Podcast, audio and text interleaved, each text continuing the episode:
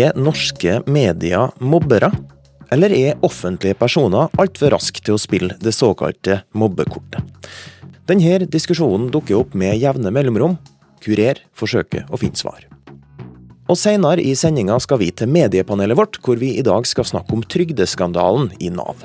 For hva skjer i en redaksjon når man plutselig får en så stor mediesak i fanget? Mitt navn er Fredrik Skaget Øyen. Velkommen til Kurer. Media in Norway, you are bullies. Sjaman Durek Verrett har en tydelig beskjed til norsk media. Vi er mobbere. You are bullying my girlfriend, you are bullying me, and you're doing it to sell papers, and that's shameful. Når et voksent menneske plager unger eh, med å si at de sjøl er skyldig å få noe så ufattelig eh, fælt som kreft, så er det på en måte over i et sånt terreng der du fortjener å bli motsagt. En av dem som mener at mediedekninga av sjamanen ikke kan kalles mobbing, er kommentator og redaktør i I Tromsø, Egon Holstad. Så mener jo han etterpå at han har blitt mobba i, i, i norsk presse. Uh, og si det rett ut. Og da syns jeg at han uh, er med og vanner ut det her begrepet mobbing. For mobbing er noe uh, som er helt forferdelig alvorlig for de som blir ramma av det. Og når du er sjaman Durek og du skriver bok der du skriver tingene han sier, så, så må du tåle å få motbør. Men uansett hva man mener om denne spesifikke saken, så reiser Verrett et spørsmål som media nok har godt av å stille seg sjøl i ny og ne. Mobber vi? Sjaman Durek er jo på ingen måte den første til å antyde noe sånt, så i selvransakelsens navn skal vi prøve å komme til bunns i det her i dag. Men før vi kan svare på om media mobber, må vi definere hva mobbing egentlig er. Da trenger vi noen som har peiling. Altså, jeg er jo forfatter eh, av tre bøker om mobbing, og jobber jo som eh, Akkurat nå er jeg fungerende direktør for barns rettigheter i UNICEF. Ja, vet du, det syns jeg er mer enn bra nok. Kristin Audmeier fra UNICEF. Så hva er egentlig mobbing? Eh, jeg pleier å si at mobbing er når noen utsettes for handlinger som sårer eller skader, og det kan være både fysisk og psykisk. Eh, og at det også samtidig påvirker den personens oppfatning av seg selv og sin egen verdi, og at det også begrenser kanskje den personens mulighet til å ta del i fellesskapet. Um, og så er det jo sånn at man tidligere har snakket veldig mye om at det må være et mønster, og at det må gjentas mange ganger for at man skulle kunne kalle det mobbing. Uh, men det er en tenkning man har gått litt bort fra, hvor man heller ser på omfanget av de handlingene som skjer, og hvordan de sårer og treffer den personen, og hvilke konsekvenser det får for personen. Og det er et spørsmål om alvorlighetsgrad, da? Ja, det er jo det, men det er jo også en subjektiv eh, oppfatning, ikke sant. Eh, og sånn som man praktiserer dette i dag, så legger man den enkelte personens eh, opplevelse av situasjonen til grunn. Man foretar ikke en objektiv vurdering av hvor alvorlig det er som sådan, men man lytter til og tar utgangspunkt i opplevelsen til den enkelte. Om mobbing defineres av den som opplever det, hvem er da egentlig vi til å si at f.eks. Durek Verrett ikke føler seg mobba? Om han føler seg mobba, så blir han jo mobba. Spørsmålet blir vel da om han faktisk føler seg mobba. Ja, nei, det, er vanskelig å, å si at, uh, at, det ikke er det. Eh, nå snakker vi om en offentlig person, ikke sant, som har oppsøkt eh, oppmerksomhet selv, og som man også må kunne forvente til en viss grad, i hvert fall, vil kunne ta, måtte ta imot saklig kritikk. og i dette tilfellet er det jo faglig begrunna kritikk som ligger til grunn. Eh, men det er klart at det har utløst et enormt engasjement hos veldig mange andre også, som ikke nødvendigvis eh, er like saklige og godt begrunna i sin argumentasjon. Og det samla trykket, da, eh, det har jeg forståelse for at kan oppleves som en stor belastning. Men det at man blir arrestert for å ha sagt noe som er skadelig eller direkte feil, det mener jeg man må tåle, og det er ikke å bli utsatt for mobbing i seg selv isolert sett. Det her er trangen til å sette likhetstegn mellom kritikk, motbør eh, og mobbing er det som da har fått meg forbanna, som gjorde at jeg var sint da jeg skrev denne eh, kommentaren der jeg skrev at, liksom at mobbe, mobbebegrepet og, og, de som blir ramma av mobbing, har en såpass, har såpass sånn stor sånn alvorlighetsgrad over seg at da skal ikke noen, noen kjendiser som, som, møter en liksom fartshump i livet, eh, kle seg med, med, med, med det begrepet og, og, eller slenge det jakkemerket på seg og si 'jeg blir mobba', for da vet du åpenbart ikke hva, hva, mobbing er. Noen ganger så tenker jeg at jeg skjønner det, og at jeg mener, og støtter dem også, og tenker at det, det stemmer, eh, det de sier. Mens andre ganger så er min oppfatning at her kommer de på en måte til kort selv i argumentasjonen, eh, og klarer ikke å finne gode nok forklaringer på hva de har gjort eller sagt. Og da kan man jo noen ganger kanskje bli litt frista til å velge å trekke frem noe som man håper på kan skape litt sympati, og kanskje også avspore debatten, da, og det personfokuset som har, eh, har vært.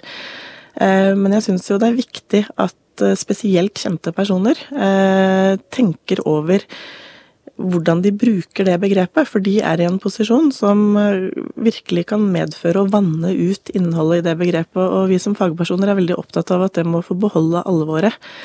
Hvor farlig er det om ordet mobbing skulle miste sin tyngde og sin betydning? Det som jo da vil skje, er at eh, spesielt når barn og unge forteller om vanskelige ting de opplever, så vil kanskje ikke voksne reagere med like stort alvor som mange situasjoner krever at de gjør, fordi dette har blitt så vanlig, og man, eh, man ikke tenker at, eh, at, det ligger så mye alvor i det lenger. Eh, og det er min aller, aller største betydning, hvilke konsekvenser det får for voksnes oppfatning av når de faktisk må handle. Og hva barn og unge også tenker om at de kan fortelle om, da. Eh, når er det de kan si fra? Hvor alvorlig må det være, og hvor mye må de tåle før de skal få hjelp? Så ja, det er en eh, stor bekymring jeg har. Eh, man kan heller ikke alltid la adressaten bestemme om det er mobbing, for av og til så eh, blander adressaten ordene kritikk og mobbing. Og kritikk trenger vi, mobbing trenger vi ikke. Det er to vidt forskjellige ting. Så, for å konkludere, kjendiser bør være forsiktige med bruken av ordet mobbing når de opplever motbør i media. Sånn, da har vi jo oppklart det. Her er Britney Spears med Baby One More Time. Nei, vent. Vent litt. Det var jo ikke det her vi egentlig skulle ha svar på. Stemmer det, det var jo selvransakelse vi drev med, men så begynte vi plutselig å fokusere på kjendiser. Typisk media. Nei, spørsmålet er jo fortsatt ubesvart. Driv media med mobbing? Eh, jeg syns det er vanskelig å si at media driver med mobbing, men eh, at media legger til rette for at det skjer, eh, gjennom sine vinklinger, gjennom sine kanaler, måte å presentere saker på. Og måten det påvirker folks oppfatning av offentlige personer på, så har media en, et stort ansvar og en aktiv rolle som sådan. Det skal jo sies at media er et bredt begrep, og visse forgreininger av media er nok enklere å sette spørsmålstegn ved enn andre når det kommer til mobbing. Sosiale medier, mm. det går ikke an å snakke om, for det har vi ikke tid til. For der er det så Nei. mye mo mobbing. Ja, der er det helt ekstremt. Når det kommer til journalistikken, er det kanskje nærliggende å tenke på f.eks. paparazzi-virksomhet.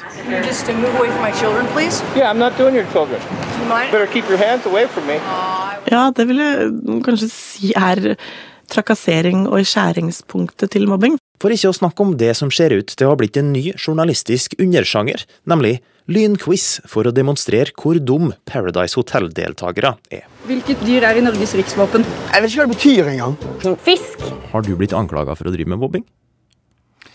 Ja, jeg, jeg ble det helt nylig. Jeg ble nylig kritisert for å ha mobba Bjørn Eidsvåg. En annen sjanger som fort havner i søkelyset når spørsmål om mobbing i media dukker opp, er kommentaren. Det kan Egon Holstad skrive under på. Den kommentaren jeg skrev om Bjørn Eidsvåg, eh, tok Bjørn Eidsvåg sjøl og delte i sosiale medier.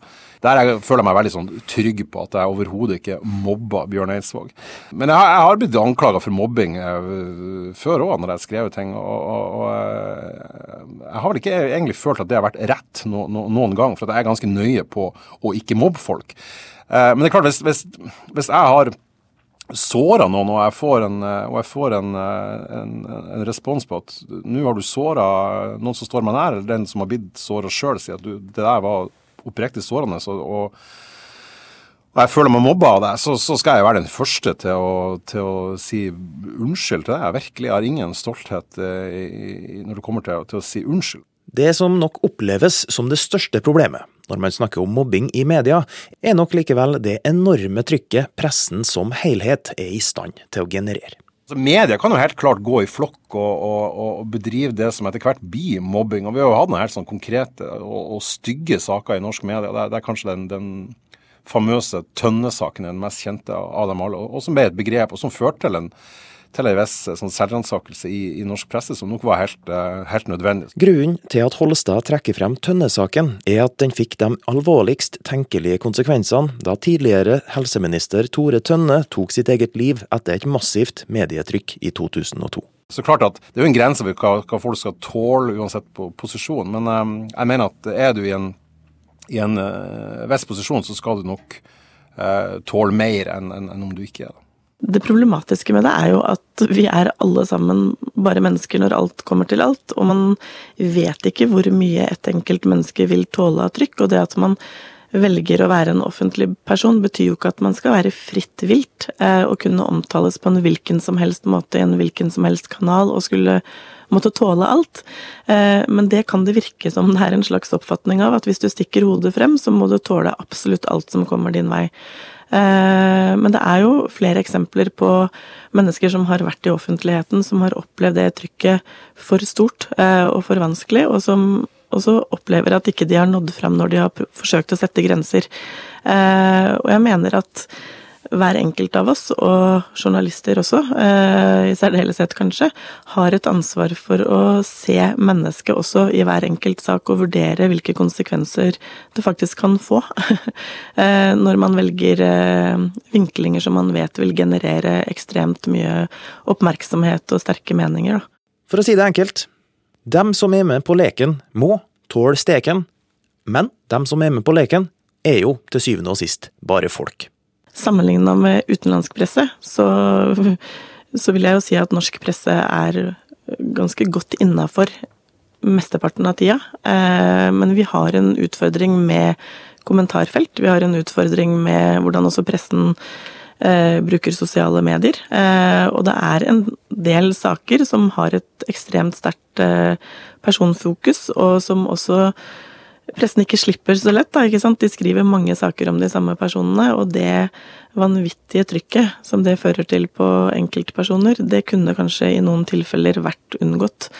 Men samtidig så er det også pressens oppgave, selvfølgelig, å, å belyse saker og opplyse oss vanlige mennesker. Eh, også om kritikkverdige forhold og ting som kan være vanskelig for personer å, å få belyst. Eh, men den balansen som kunne ha vært der eh, i enkelte saker, eh, burde kanskje pressen jobbe litt mer med å, å oppnå, fordi det ja, det går litt ut av proporsjoner eh, i noen enkeltsaker. Men jeg mener ikke at dette er et generelt problem i norsk presse. Har du blitt mobba? Eh, hvis jeg tenker på sånn i rollen som, som, eh, som kommentator, så, så, må jeg jo si at eh, det syns jeg ikke at jeg har blitt. Jeg har fått, jeg har fått noen tusen kommentarer opp igjennom i kommentarfelt og på, på e-post og sånn, som har vært Si, av det mindre hyggelige slaget. Et par politianmeldelser har det jo også vært, og, og, med, med type drapstrusler og sånn. Men, men, jeg er stort sett ganske forskåna. De, de, tingene som kommer, sånn, bortsett, hvis man ser bort fra trusler, da, så er det gjerne sånn her så er det gjerne sånn uh, din dust og uh, din naive tulling og, de her tingene. Og det, det, tåler jeg virkelig, og det, det skal jeg tåle. Uh, jeg lever jo av å mene ting, og da må jeg også finne meg i at folk mener ting om, om det jeg gjør. Du hører på Kurer på NRK P2, hvor vi nå har fått besøk i studio av denne ukas mediepanel. Med oss har vi Siv Sandvik, politisk redaktør i Adressa, Sigrid Gjelland, regionredaktør i NRK Midt, og Lars Inge Staveland, nyhetsleder i Aftenposten. Og vi må snakke litt om denne ukas største nyhetssak, nemlig den såkalte trygdeskandalen i Nav, hvor det nå har kommet frem at minst 48 personer kan være uskyldig dømt for trygdesvindel, fordi Nav har har tolka regelverket feil. Og Staveland, når skjønte dere i Aftenposten sprengkrafta av denne saken? Jeg vil si Vi skjønte det relativt kjapt. Eh, vi fikk jo beskjed fra NTB at eh, det skulle være en pressekonferanse eh, som gikk på feiltolkning av regelverk, EØS-regelverk. Det høres litt tørt ut. Men så ble vi oppringt av en kilde med innsikt i dette her, som sa at her burde vi dra på den pressekonferansen, og dette kommer til å være stort. Og fra da av så skjønte vi at her måtte vi kaste oss rundt og ja, trykke på den store knappen i redaksjonen. I praksis betyr det at vi snur oss rundt i kontorlandskapet, finner ut hvem som er på jobb, hvem som kan kaste seg rundt eh, og, stikke ned. Hva går det utover? Det betyr at eh, jeg må snakke med nyhetssjef for å finne ut hvordan vi får ut nyheten kjapt. Eh, og så er det da å eh, høre på journalisten som har vært ute på pressekonferansen og kommet tilbake og prøve å lage et løp for å finne ut hvor lenge dette vil vare, hva type sak er det. Da gikk det ganske tidlig opp for, meg, for oss at dette var en uh, historisk skandale med, som ramma veldig mange. Og det er jo det her med den store redaksjonelle knappen vi er litt interessert i her. Altså, når man trykker på den, hva skjer da? Og hvor, når man skjønner hvor stor en sånn sak er, hvor starter man? Liksom? Det en starter med, er jo for første å prøve liksom, å se litt inn i glasskula. Hva type sak er dette her i dag? Hva type sak er dette her i morgen? Hva type sak er dette her neste uke? Eh, og neste måned framover. Eh, det vet vi jo selvsagt ikke. Eh, det vi vet litt mer om, er hva vil leseren ha i en sånn sammenheng, og hva har vi mulighet og ressurser til å eh, gi de, eh, kan du si da. Eh, og hva er vårt samfunnsoppdrag i en sånn sammenheng? og hva har vi av eh, kildegrunnlag? Det er på en måte de første spørsmålene en, eh, en stiller seg i en, eh, en, sånn sammenheng. Og i Det som skjedde denne uka her, var jo at vi relativt kjapt visste omfanget. At omfanget var veldig stort. Og vi visste òg hvor vi kunne gå for å finne historikken her. Dommer er offentlig informasjon. Det eh, tok ikke så lang tid før redaksjonene hadde dommerne. Da hadde du òg navn på advokater, eh, navn på berørte ofre en kunne begynne å ringe til. Eh, så vi kunne begynne ganske tidlig med den eh, kildejobbinga. Samtidig så eh, må vi jo prøve å gi leseren oversikt og en forklaring på hva dette her er. Det er ganske, det er ganske komplisert materiale. Mm. Siv Sandvik, hva er det som er så spesielt med akkurat denne saken? Denne saken har jo på mange måter alt. Eh, den har eh, ekte mennesker som er ramma, personer som vi kan få et uh, navn og ansikt på, som kan fortelle om at de enten uh, mista sparepengene sine eller sona pga. en feil som en mektig etat alle har et forhold til, nemlig Nav gjorde. og så har den jo også en politisk dimensjon. Hvem har ansvaret? hvem burde ha oppdaga det her? Og så er det også den hele samfunnsdimensjonen. En ting er politikerne, men Nav, domstolene. Altså det er så mange som har eh, svikta her, og det er så utrolig mange spor eh, for, eh, for pressen å, å, følge opp. Hvor ligger ansvaret, og, og hvordan, hvilke konsekvenser vil det få? Mm.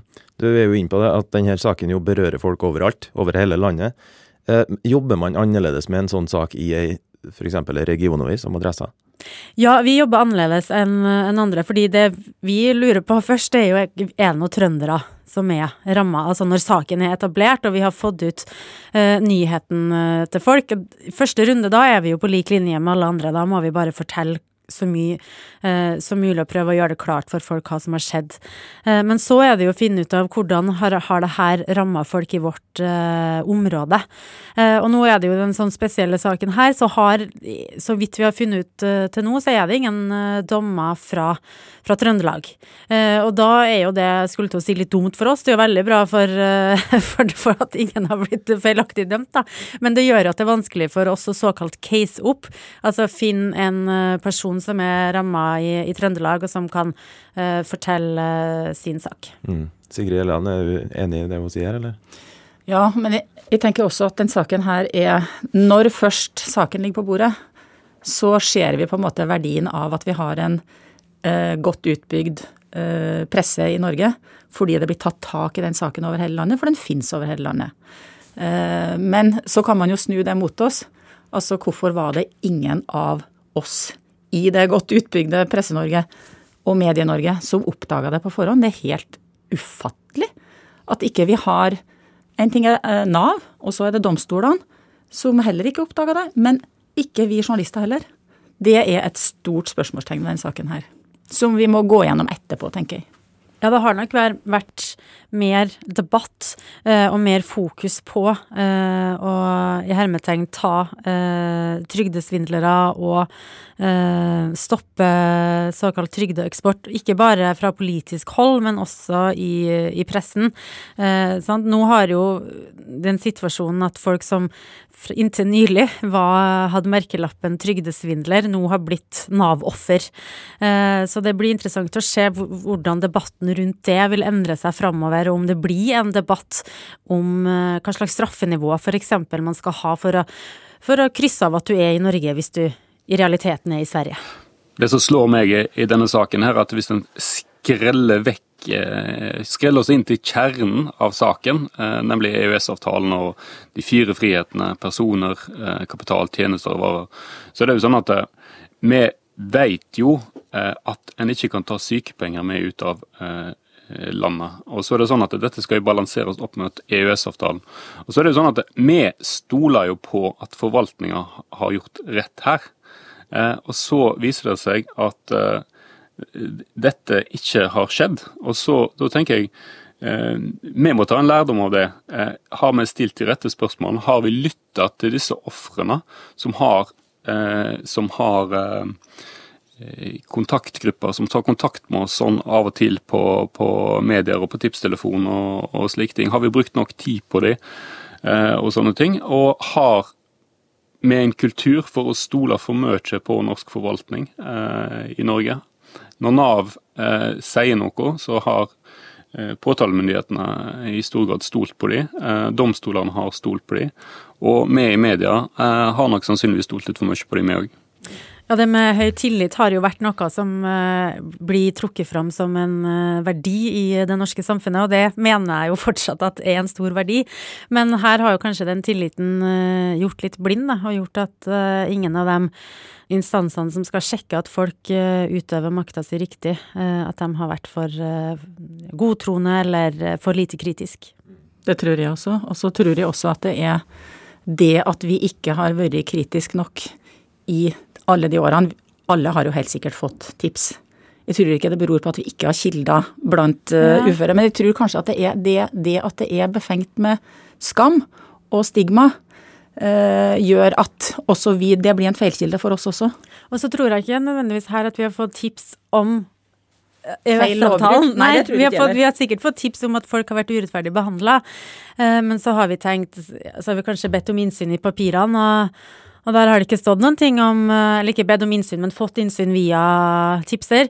Eh, og så har det ikke stått noen ting der om EØS-avtalen, og da har heller ikke klokkene i journalisthodene ringt om at eh, Men vent litt, det er jo fri bevegelse, og vedkommende har jo vært i et EØS-land. Det var alt vi hadde tid til. Kurer er ferdig for denne gangen. Takk til dere, Lars Inge Staveland, nyhetsleder i Aftenposten, Sigrid Elland, regionredaktør i NRK Midt, og Siv Sandvik, politisk redaktør i Adressa.